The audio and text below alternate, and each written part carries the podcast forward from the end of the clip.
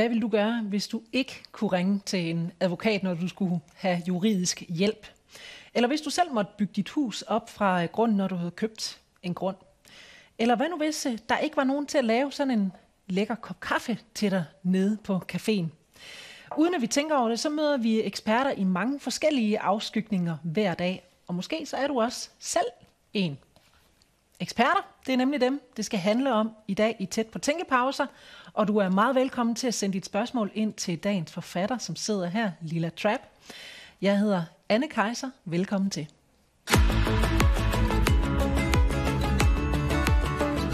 Tæt på Tænkepauser er en liveudsendelse, hvor jeg hver måned bringer dig helt tæt på en forsker fra Aarhus Universitet i en levende og nysgerrig samtale om et emne, som han eller hun forsker i og brænder for. Tæt på Tænkepauser tager altid udgangspunkt i en bog i øh, serien Tænkepauser, som er udgivet af Aarhus Universitetsforlag. Og der har forskeren så 60 sider til at brede sit emne ud. Og i samtalen der møder vi så mennesket bag tankerne, og du har altså også som seer mulighed for at stille dit spørgsmål direkte til forskeren. Forskeren kommer også til at fortælle om noget af alt det, som altså ikke lige fik plads i bogen, og øh, dermed så får du som ser et helt unikt indblik i emnet. Så glæd dig til nogle rigtig spændende tæt på tænkepauser. Jeg har sat dagens øh, forfatter stævne over en god kop kaffe her på Café Drevsen i Silkeborg. Velkommen til, Lilla. Tak skal du have. Jeg synes lige, vi skal starte programmet med at se en øh, præsentation af dig. Lila Trap er lektor i virksomhedskommunikation ved Institut for Kommunikation og Kultur ved Aarhus Universitet. Som 22-årig rykkede hun teltpælene op i Kalifornien og flyttede til Aalborg. I 1995 kom hun så til Aarhus Universitet som bachelorstuderende på Engelsk Institut. Efter nogle afstikker andre steder hen underviser hun nu der, hvor hun startede på Aarhus Universitet, nemlig som adjunkt på Aarhus School of Business. Inden for sit felt interesserer Leila sig for den kommunikation, som kan kaldes dialog eller engagement på engelsk.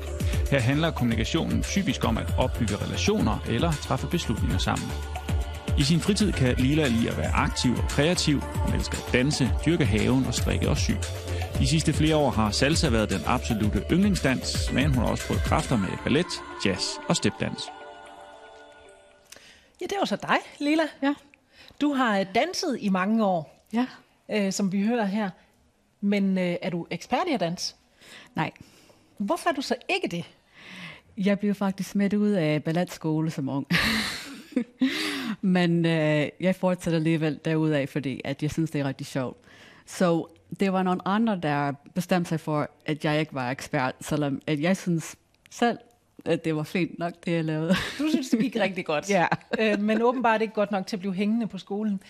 Ja. Øh, men der er noget i forhold til det med, at øh, altså tidsperspektivet i at gøre noget, der ja. Kan gøre en til ekspert. Så du kunne jo godt have været ekspert i dans. Det var, det var nemlig det, at uh, ballet øh, lærerinde synes ikke, at selvom jeg måske brugte de der 10.000 timer, som jeg skriver om, som værende sådan, det det tager at blive ekspert i noget, selv med 10.000 timer, så havde jeg vist ikke fysikken eller et eller andet, som gjorde, at jeg ikke kunne blive balletdanser.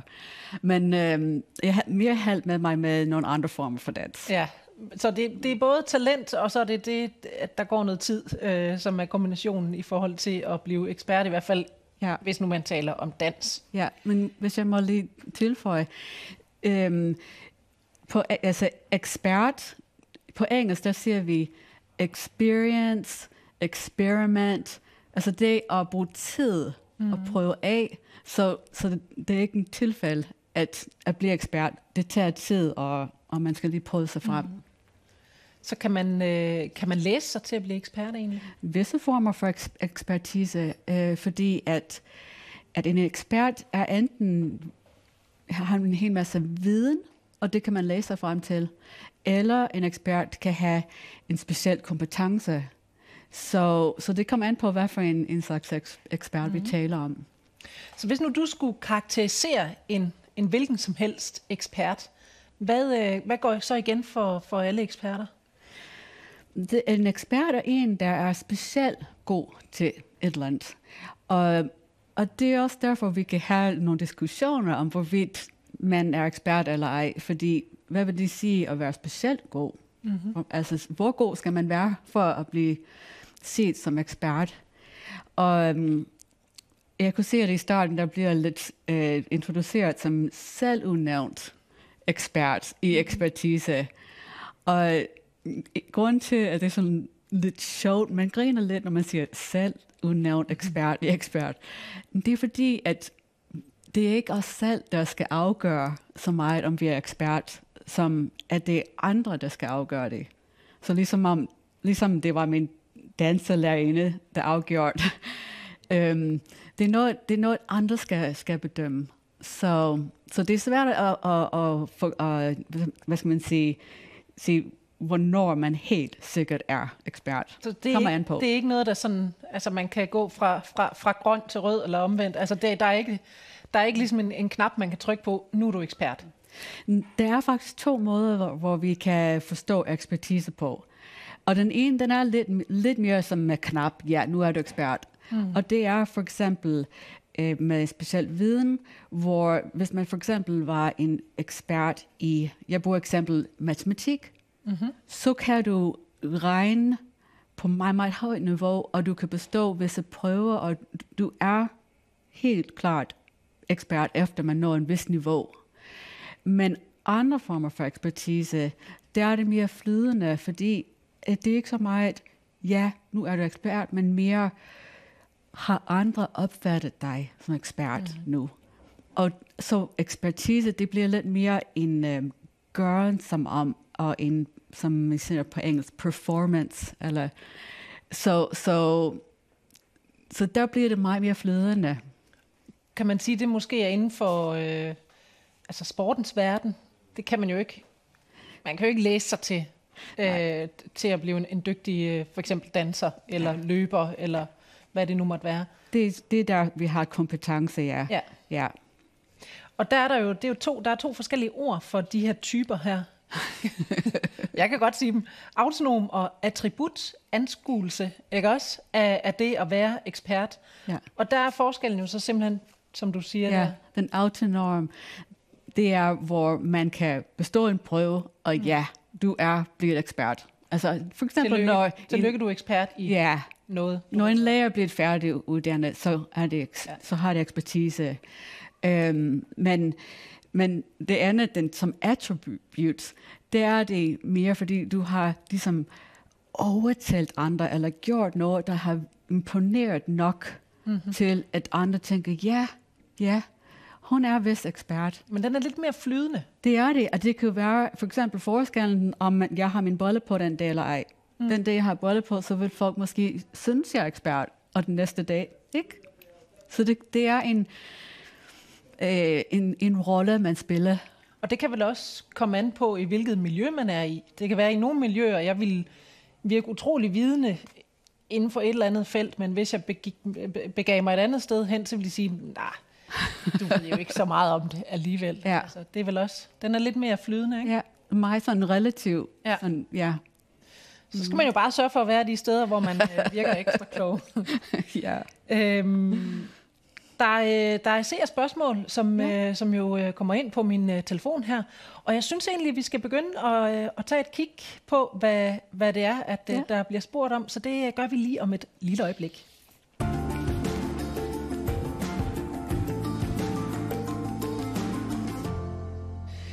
Og lad os se her. Øh, der står her i et historisk perspektiv, hvornår og på hvilken baggrund optræder eksperten som begreb, så står der i parentes, jeg tænker ikke så meget på det sproglige, men mere på eksperten som anerkendt institution.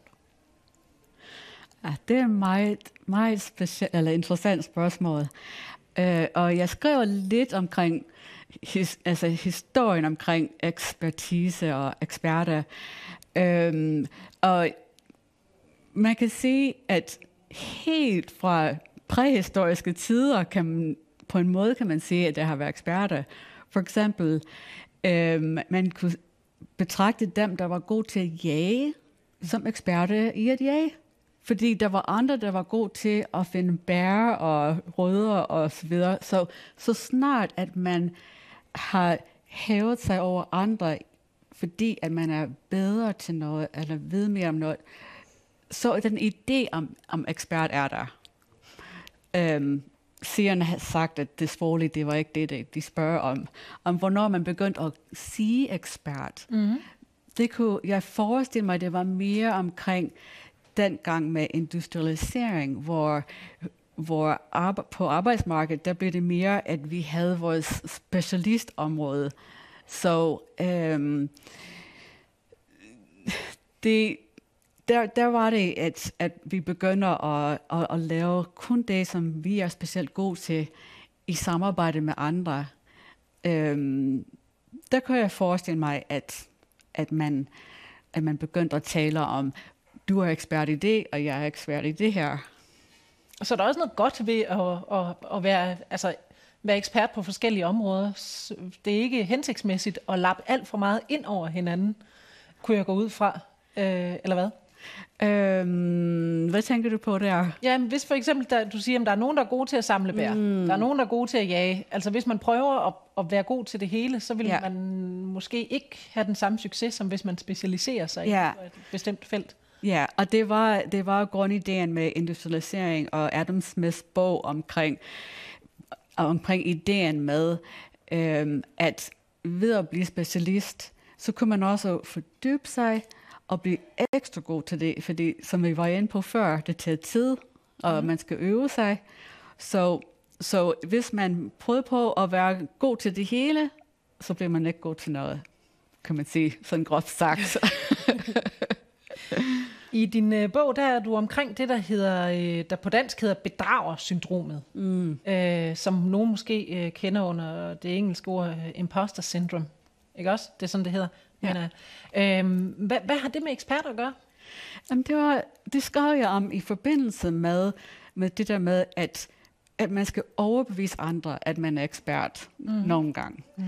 Øhm, så hvis man er i tvivl om, at man rent faktisk har evner nok til at kan overtale andre, at man er ekspert, så får man den her frygt for, at man er faktisk ekspert, og det finder man ud af sådan ret hurtigt, i hvert fald så snart, at jeg prøvede på at sige noget klogt, mm. og, og det er det ikke.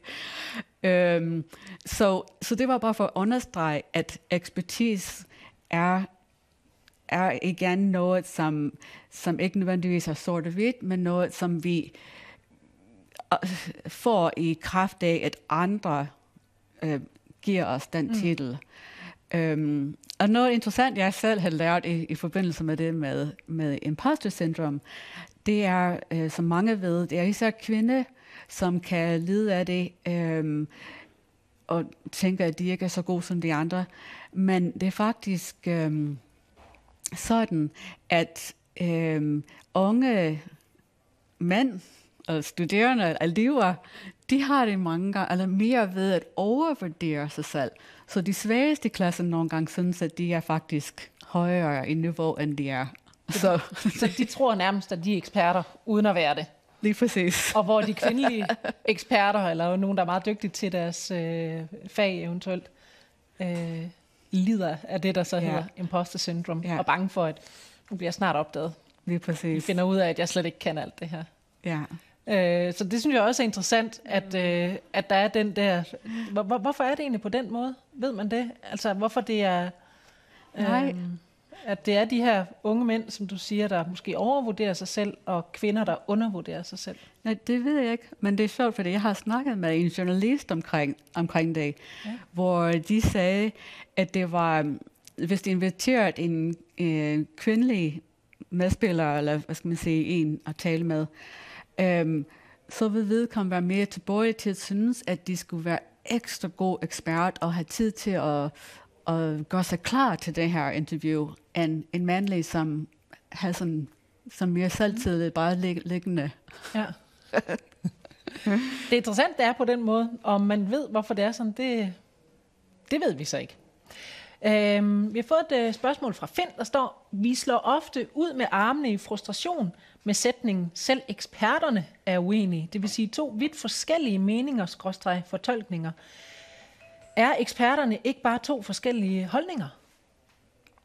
Mm. Ja, det er virkelig et godt spørgsmål. Hvor skal jeg starte? Altså, jeg, jeg tænker, det med eksperter er uenige, og vi, så, og vi har en frustration over det. Mm-hmm. det, det den frustration, den kommer af, at vi forventer af eksperter, at de vil hjælpe os med at, gøre, at forstå kaos, mm-hmm. øh, for eksempel. Mm-hmm. Så, så det er den forventning, der ligesom, som ikke bliver indfriet. Øhm, for det er eksperternes rolle, det er blandt andet at, at, at holde styr på ting, og jeg bruger eksemplet fra det store bagedyst, hvor vi har nogle eksperter i bagning, en konditor og så videre, til at af, afgøre, hvem er faktisk den bedste til at, at bage. Fordi hvis ikke vi havde eksperter til at afgøre det, så vil sigerne, og måske selv dem i teltet, begynde at slåsse om det, fordi det er faktisk subjektivt, hvem, hvis kage er flotteste. Så vi bruger eksperter til at, at ligesom, um, gøre os mere sikre på verden. Mm. Så når de er uenige, så bliver vi frustreret. Så det, nu har vi det på plads. Så, så vi sådan er enige om, okay, en eksperts mening er, øh, den gælder. Ja. Kan man sige det på den måde? Ja, og, og det med baning, det, det, er, det er, der er en subjektiv øh, holdning involveret der. Men det sker også med i områder, hvor vi skulle tro, at for eksempel videnskabsmennesker, som forsker i naturvidenskab, at de kunne blive enige, fordi at deres forskning, det er omkring noget, der kan måles og vejes osv. Men det er faktisk ikke så enkelt. Mm. Øhm, så den viden, altså fra mere, den mere, som jeg siger, naturvidenskabelige for eksempel, der har vi den forventning, som heller ikke bliver indfriet, fordi der er ikke en lige linje i vores læring. Øhm, så det er noget, vi, vi skal, skal leve med, at vi har ikke den eneste ekspert, som ved det hele.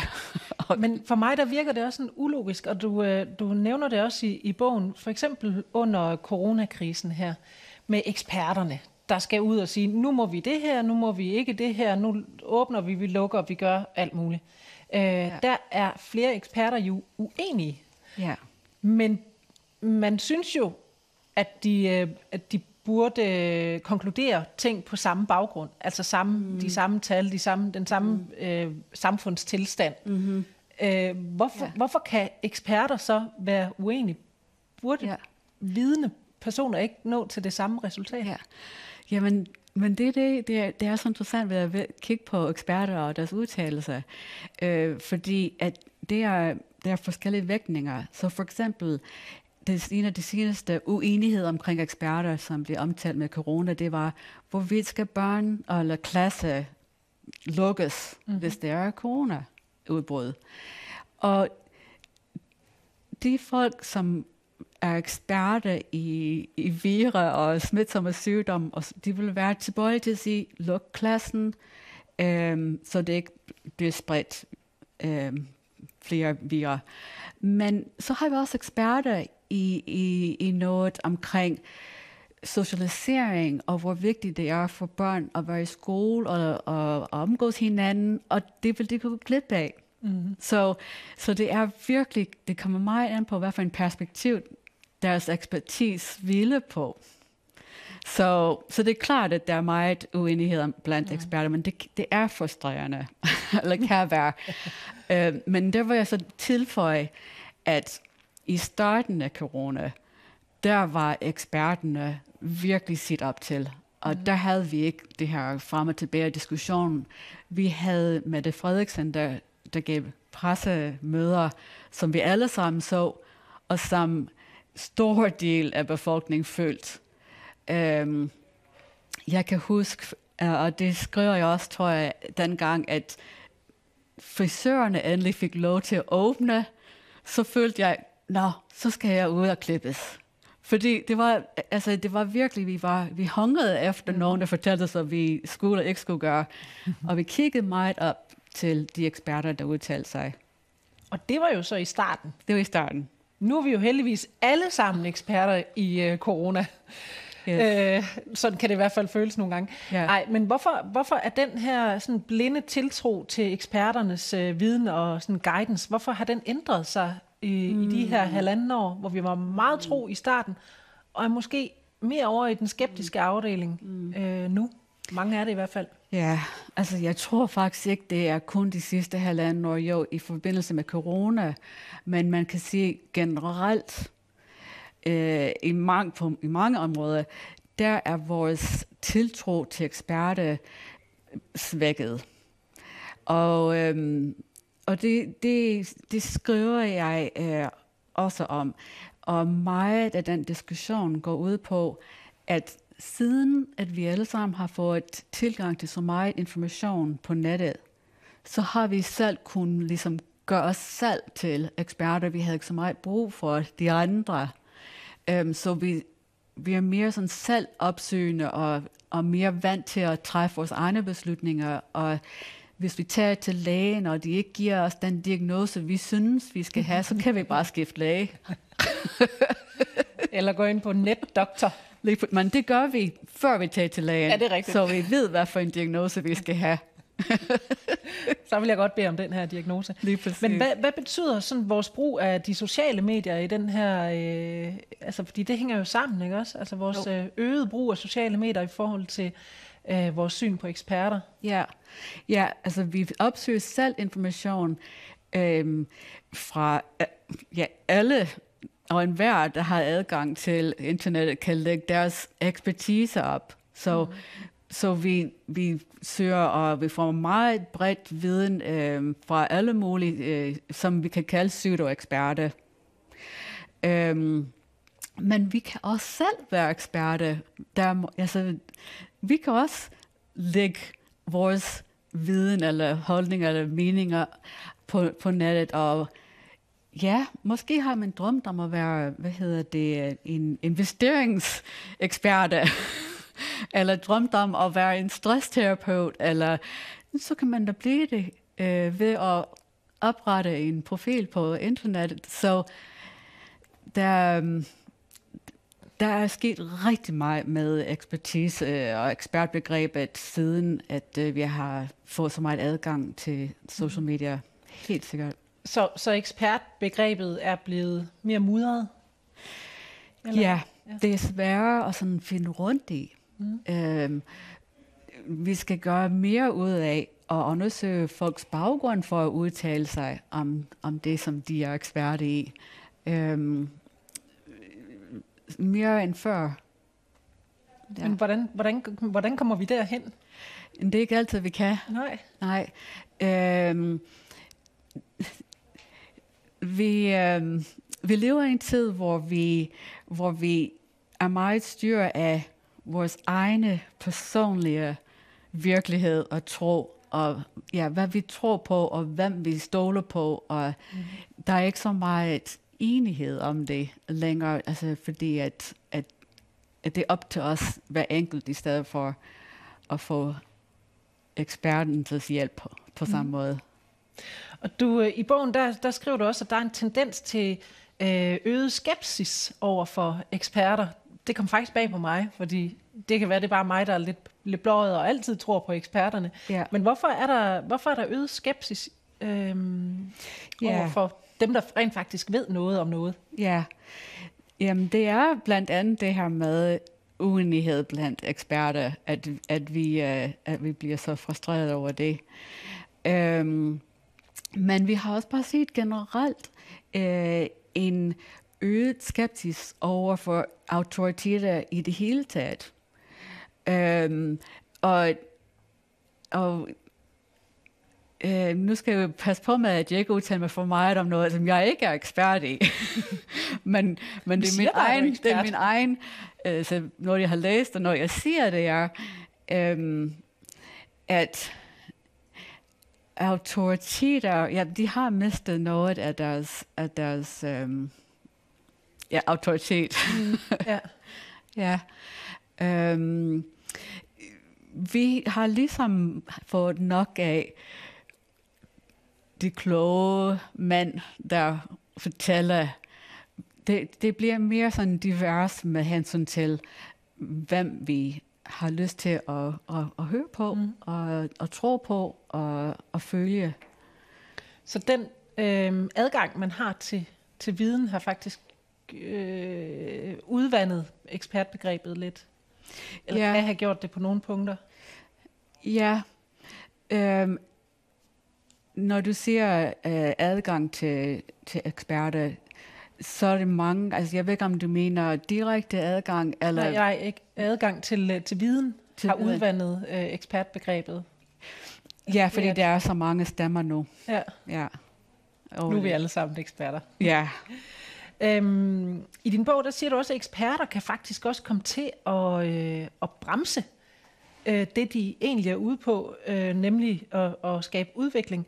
Men, øh, men nogle gange så kan de komme til ligesom at, at, at bremse den udvikling. Hvorfor, hvorfor gør de det? Hvordan, hvordan sker det? Hmm, hvad, hvad er det, du tænker på der? Jeg tænker måske øh, på noget, øh, noget udvikling i nogle ulande. Og, øh... Nå, yes. ja. Det er, ja, det var... Øh, ja, jeg kommer meget bredt omkring med eksperter. Ja. Og så skriver jeg også om det med at skulle få eks- ekspertise et sted, og så få det til at brede sig ud blandt andre. Og, øhm, og det, det er typisk sådan noget med teknologi og udvikling, som siger. Mm. Og øhm, det, det, det er bare det ved det, at hvis man øh, får, får udviklet noget teknologi et sted i verden, Øhm, så det er ikke sikkert, at det kommer til at passe så godt andre steder i verden. Så for eksempel, øhm, jeg, jeg bruger eksempel på pumpe, som er udviklet øh, for eksempel her i Danmark. Mm-hmm. Og de skal øhm, bruges andre steder i verden, og så er det, hvordan med at, at betjene det her teknologi. Det, du, det er jo specifikt de her Grundfos øh, vandpumper, ja. cirkulationspumper. Øhm, ja. ja. Den måde at bruge vand på et andet sted i verden, er, ligner slet ikke det samme som her. Så man, man, skal, man skal tilpasse det. Mm. Og i den tilpasning og det at lære andre at bruge en teknologi, det er selvfølgelig eksperter, der vil forklare, hvordan man gør. Men hvis, hvis ekspertens forståelse og forklaring ikke passer ind i deres virkelighed, så vil den teknologi ikke blive taget imod, så vil det ikke tage imod teknologien. Mm. Uh, fordi de skal, de skal bruge det i deres egen kontekst, som, som eksperten måske ikke ved så meget om. Um, Men lige præcis med de pumper, der lykkes det jo faktisk. Det lykkes det, fordi at at, at alle har brug for vand, så alle er meget motiveret til at lære at bruge den her pumpe, selvom man skal trykke på det knap, og man skal have et kort, og man skal huske det. Og, så man skal lære den her nye teknologi, men man er ekstremt motiveret, fordi man har brug for vand. Mm-hmm. Men for eksempel øh, at indføre nye typer korn, til, som skal sås, eller øh, at indføre vaccinationer, eller indføre øh, teknologier eller viden, som virker vildt fremmed og unødvendigt for, for dem, der ikke har været med i, i, i udviklingen af det. Det er straks sværere at få det til at passe ind i en, øh, en mere lokal kontekst. Og jeg tænkte også, har det, kan det have noget at gøre med, at, at man ikke kan se det umiddelbare resultat? Altså når man får en vandpumpe til at fungere, så kommer der vand. Hvis man øh, sår øh, noget korn, eller vaccinerer, eller har noget prævention, man bruger, ja. så, kan, så tager det alligevel længere tid, før man kan se resultatet. Det er svært at se den der en til en. Ja. ja. Og, og jamen, vi plejer altid at bruge den her korn. Mm. Og og, og ja, altså hvad er den der nål, og hvad spurgte du ind i mig? Altså det er meget, meget svært at forstå den, ja, sammenhængen. jo mere diffus det bliver, jo sværere bliver det også for eksperten at sige, ja. det passer. Ja. Det er sådan her, vi skal gøre det. Det er præcis. Ja. Men hvis man i den lokale befolkning får øje på, ja, det virker, så er det dem, altså de skal snakke sammen og snakke det op og, og anbefale det frem for de her udefrakommende eksperter. Det var lidt min, min point der. Det er de, det lokale øh, adaption øh, til, til, til, til ny øh, teknologi. Så der skal man have en bred forståelse af produktets eller hensigtens virkning, før, øh, før den går. Ja, man skal, man skal faktisk selv have, have erfaret det. Og, og jeg kan faktisk også øh, relatere det til øh, det, at du kan godt huske, hvor mange, utrolig mange år, der har været talt om, at klimaet ændrer sig. Mm-hmm. Og vi har fået så mange videnskabsfolk, der fortæller om det i så mange år, og det har været op ad bakken for dem. Men så snart, at vi får kæmpe brand i Australien, og tørke, og stor overflod, mm. over, oversvømning. oversvømning i Tyskland, Nå, så kan vi selv sige, okay, det er rigtigt nok, det eksperterne sagde. Ja, som vi ikke rigtig... Ja, så er det en ting, og så, så, kan, så har vi erfaret det på, på egen krop og, og øh, oplevet det selv. Og det er mange gange det, der skal til. Men hvordan kan det så være, at vi stoler på, de fleste i hvert fald, at når en ekspert siger, øh, nu har vi øh, corona, covid-19, vi skal alle sammen vaccineres. Og det er jo stikket i armen der. Ja. Nu skal vi alle sammen vaccineres, øh, fordi så bliver vi ikke syge. Hvorfor tror vi så på det? Ja, det er et godt spørgsmål. Altså, vi har en lang tradition for at blive vaccineret. Og det er noget med, med vores samfund, som gør, at vi bliver enige om, at det er det bedste at gøre det. Så, så det, altså det er ikke så meget, fordi at lægen har sagt det, eller Mette Frederiksen har sagt det. Det er mere fordi, at ens mor eller nabo, eller hvad ved jeg, har, har været vaccineret, har ikke haft det så slemt ved det. Altså, det er fordi, at øh, det spreder sig lidt ligesom mm. ring i en vand, at når det først er ud, så påvirker vi hinanden. Så der er også noget tradition i det, måske? Det er der. Ja. Ja. ja. Øhm, der, er også, øh, der er også de her skjulte eksperter, du taler om. I, øh, du er lige inde på det i bogen også. Øh, hvad kunne det være for nogle eksperter, som vi ikke lige ser i vores hverdag, men som er, hmm. som, som også er der, og som er vigtige? Ja. ja. Det er jeg rigtig glad for, at du spørger om. Fordi at øh, når vi snakker eksperter, så er det typisk læge og advokater og så videre. Men der er rigtig mange øh, eksperter, som hjælper os i vores hverdag. Vi er ikke engang klar over, at de er der.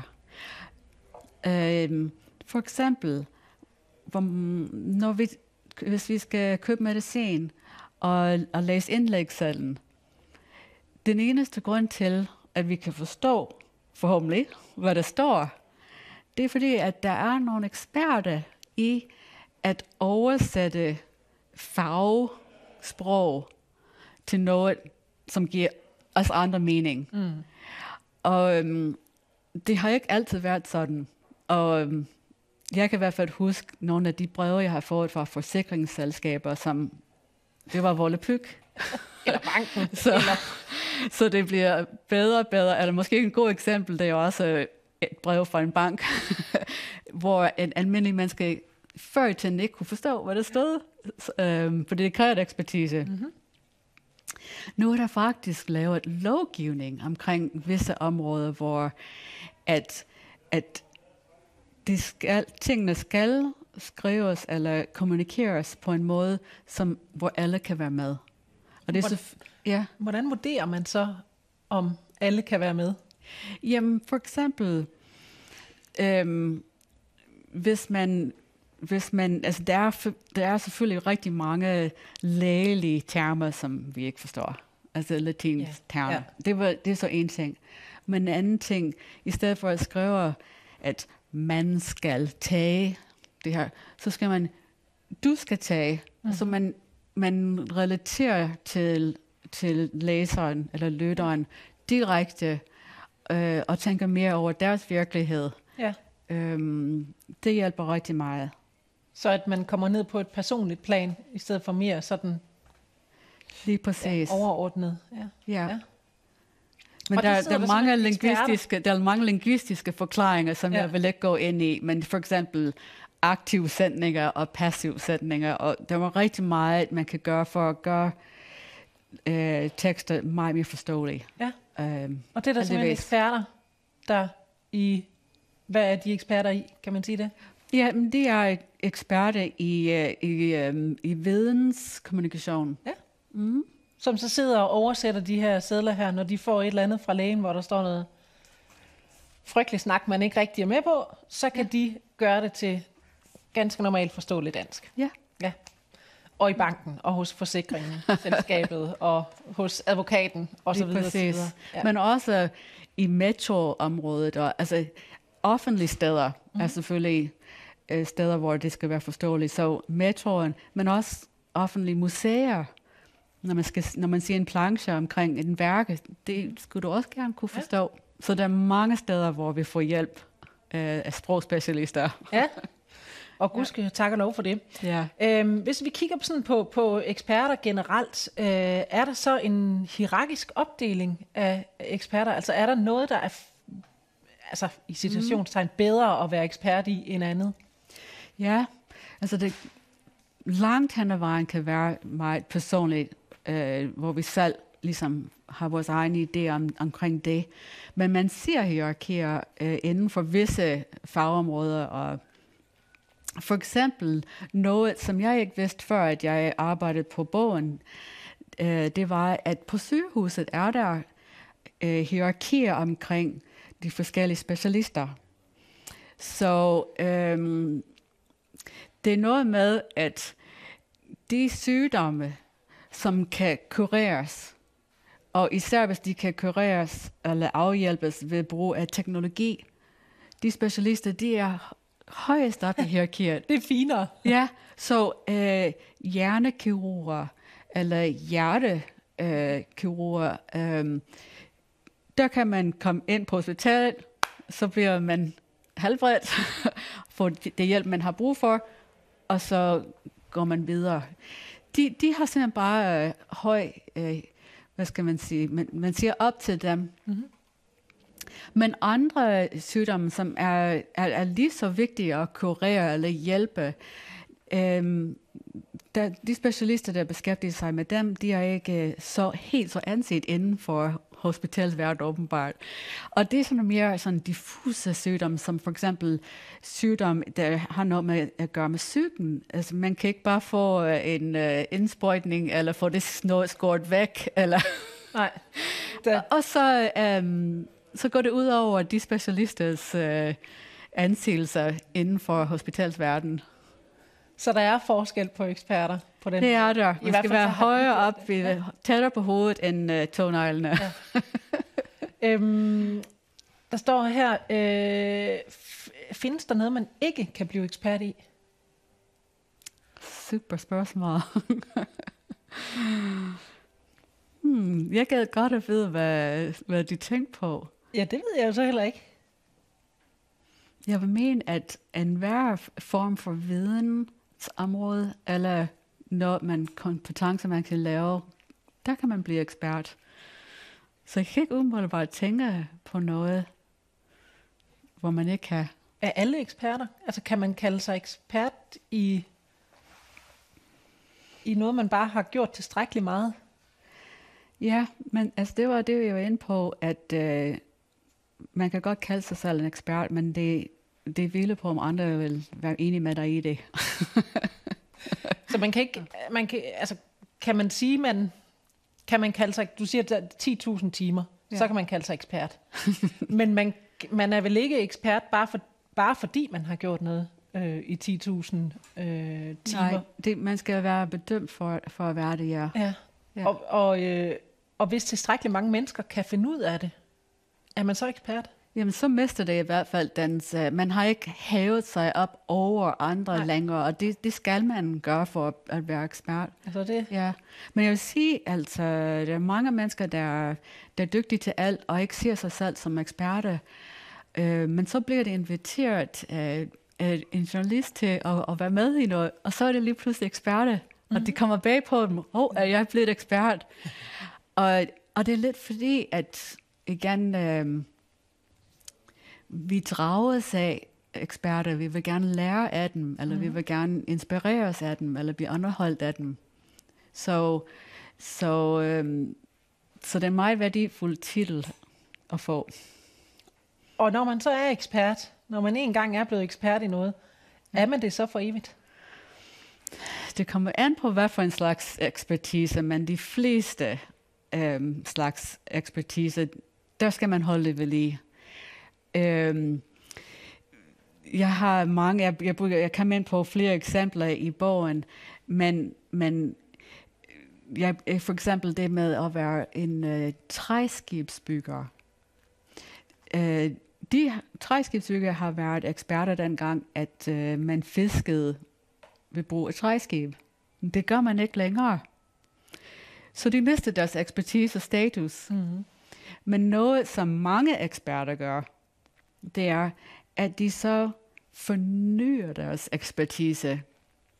Så en træskibsbygger, som har lavet fiskekutter, jamen så begynder de at lave sådan noget fornemme træbåde til friluftssejler. Mm-hmm. Eller nogen har også været har skulle skifte til at lave både, som kan blive brugt militært. Så man kan forny sin ekspertise, og det er mange, der får brug for det. Andre, de mister simpelthen bare deres ekspertise yeah. til, øh, jeg tænker her på min, min nabo, som oprindeligt var øh, radioreparatør. Det er der ikke ret mange, der længere, som synes, man var ekspert. Nej, og det er der måske heller ikke så stor efterspørgsel efter. Jamen, det er det. Ja, det er det. Så det, der, er, der sker hele tiden udvikling i, hvad for nogle eksperter vi har brug for, ja. og hvad den ekspert skal kunne. Så hvis jeg for eksempel siger, at hvis jeg siger, at en af mine ekspertise, det er øhm, at undervise. Øhm, jeg, var, jeg var i høj grad nødt til at lære at bruge online undervisning under coronatiden, mm-hmm. for at jeg stadigvæk kunne føle, at jeg var rent faktisk øh, på høj nok niveau ja. til, til at kunne udføre det arbejde. Så der kan ske alt muligt, som gør, at vi skal forny vores ekspertise, eller miste det. Jeg tænker også på, øh, øh, det, man, det regner også med, at du har læst om, men altså øh, inden for IT-branchen, den øh, IT-udvikling, øh, som går så hurtigt, så når nu der bliver uddannet en IT, øh, et eller andet udvikler af nogle programmer, eller hvad det nu kunne være, nogle systemer eller noget, ja. hvis de ikke får job med det samme, mm. så er deres viden forældet efter et år. Altså, så er de simpelthen ikke eksperter mere. Ja. Og, ja. Og det er jo, altså, der er jo også noget paradoxalt i, at udviklingen kan hæmme vores ekspertise på den måde. Ikke? Altså, man siger, der er nogen, der siger, at vi lever i en hyper specialiseret verden, mm. hvor vi hver især bliver mere og mere, mere, mere specialiseret, og det har nogle konsekvenser. For eksempel, som du siger, så bliver man super ekspert i noget, og så er ikke brug for det mere. Men det er, også, øh, det er også derfor, at vi går meget ud af inden for uddannelse, at understrege, at det man lærer, det er lige så meget at lære. Mm. Man skal lære at forny sin viden. Så de her superspecialister, IT-folk, de vil trods alt kunne lære nyt inden for IT. Men de skal hænge i, fordi ellers så er deres viden øh, forældet ret hurtigt. De skal virkelig hænge i. Der var også en gang, hvor jeg, hvor jeg troede, jeg kunne klare alle mine IT-problemer, og det kan jeg ikke længere. der kan jeg så heller ikke hjælpe dig, kan jeg sige. Der er jeg i hvert fald ikke ekspert. Øhm, der står her, kan eksperter ikke blive for interne til at være troværdige? Interne? Ja, jeg, tænker, jeg tror, der menes om, om altså den ekspertviden, der er, om den bliver for, øh, for snæver i forhold til, øh, til den gængse øh, mm. viden. Altså at det bliver for, for internt til, at det, det er troværdigt. Ej, virkelig sjovt. Fordi uh, troværdighed, det kommer også fra andre. Altså, at den persons viden er troværdig. Mm-hmm. Og det er også igen en meget spændende spørgsmål. Og jeg har lige læst om en matematiker, som har udviklet et, et eller andet inden for matematik på virkelig højt niveau. Og den er så højt niveau, at han er den eneste, der kan forstå det. Ej, det er også træls at sidde med den viden. så, så svaret er ja. Altså fordi, at man kan ikke kalde ham for en mat- matematisk ekspert inden for det, hvis ikke der er andre, der ligesom kan, kan forstå det. Så han er, han er for meget ekspert til at kunne være ekspert. det er også vildt. Så, så det, det er for at være troværdig, mm. så skal man kun overbevise andre om, ja, jeg ved, hvad jeg taler om, jeg ved, hvad, hvad jeg gør, og det kan I selv se og høre. Så man må ikke blive alt, alt for klog på. Nej, hvis jeg også have de andre med. Ja. Hvad er forskel på en specialist og en ekspert? Super spørgsmål. Og øhm, efter at bogen udkom, der fik jeg faktisk en e-mail fra en, som har skrevet om det. No. Forskel mellem specialist og ekspert. Og jeg har ikke uh, læst hans arbejde endnu. så det har jeg til gode. Ja. Fordi det gad jeg godt at vide. Men der er en forskel. Åbenbart. Ja. Det er ja. en, som uh, forsker inden for pædagogik. Så um, ja, jeg må komme tilbage en, Ja, det må en gang. og er så aftale. Jamen øh, faktisk, så tror jeg, det bliver det sidste spørgsmål lige for nu i hvert fald. Øh, og tak for de øh, gode seerspørgsmål. Vi er ikke færdige nu, for om lidt der skal vi se på det, som øh, ikke fik plads i den her nye bog. Det er altså lige om et øjeblik.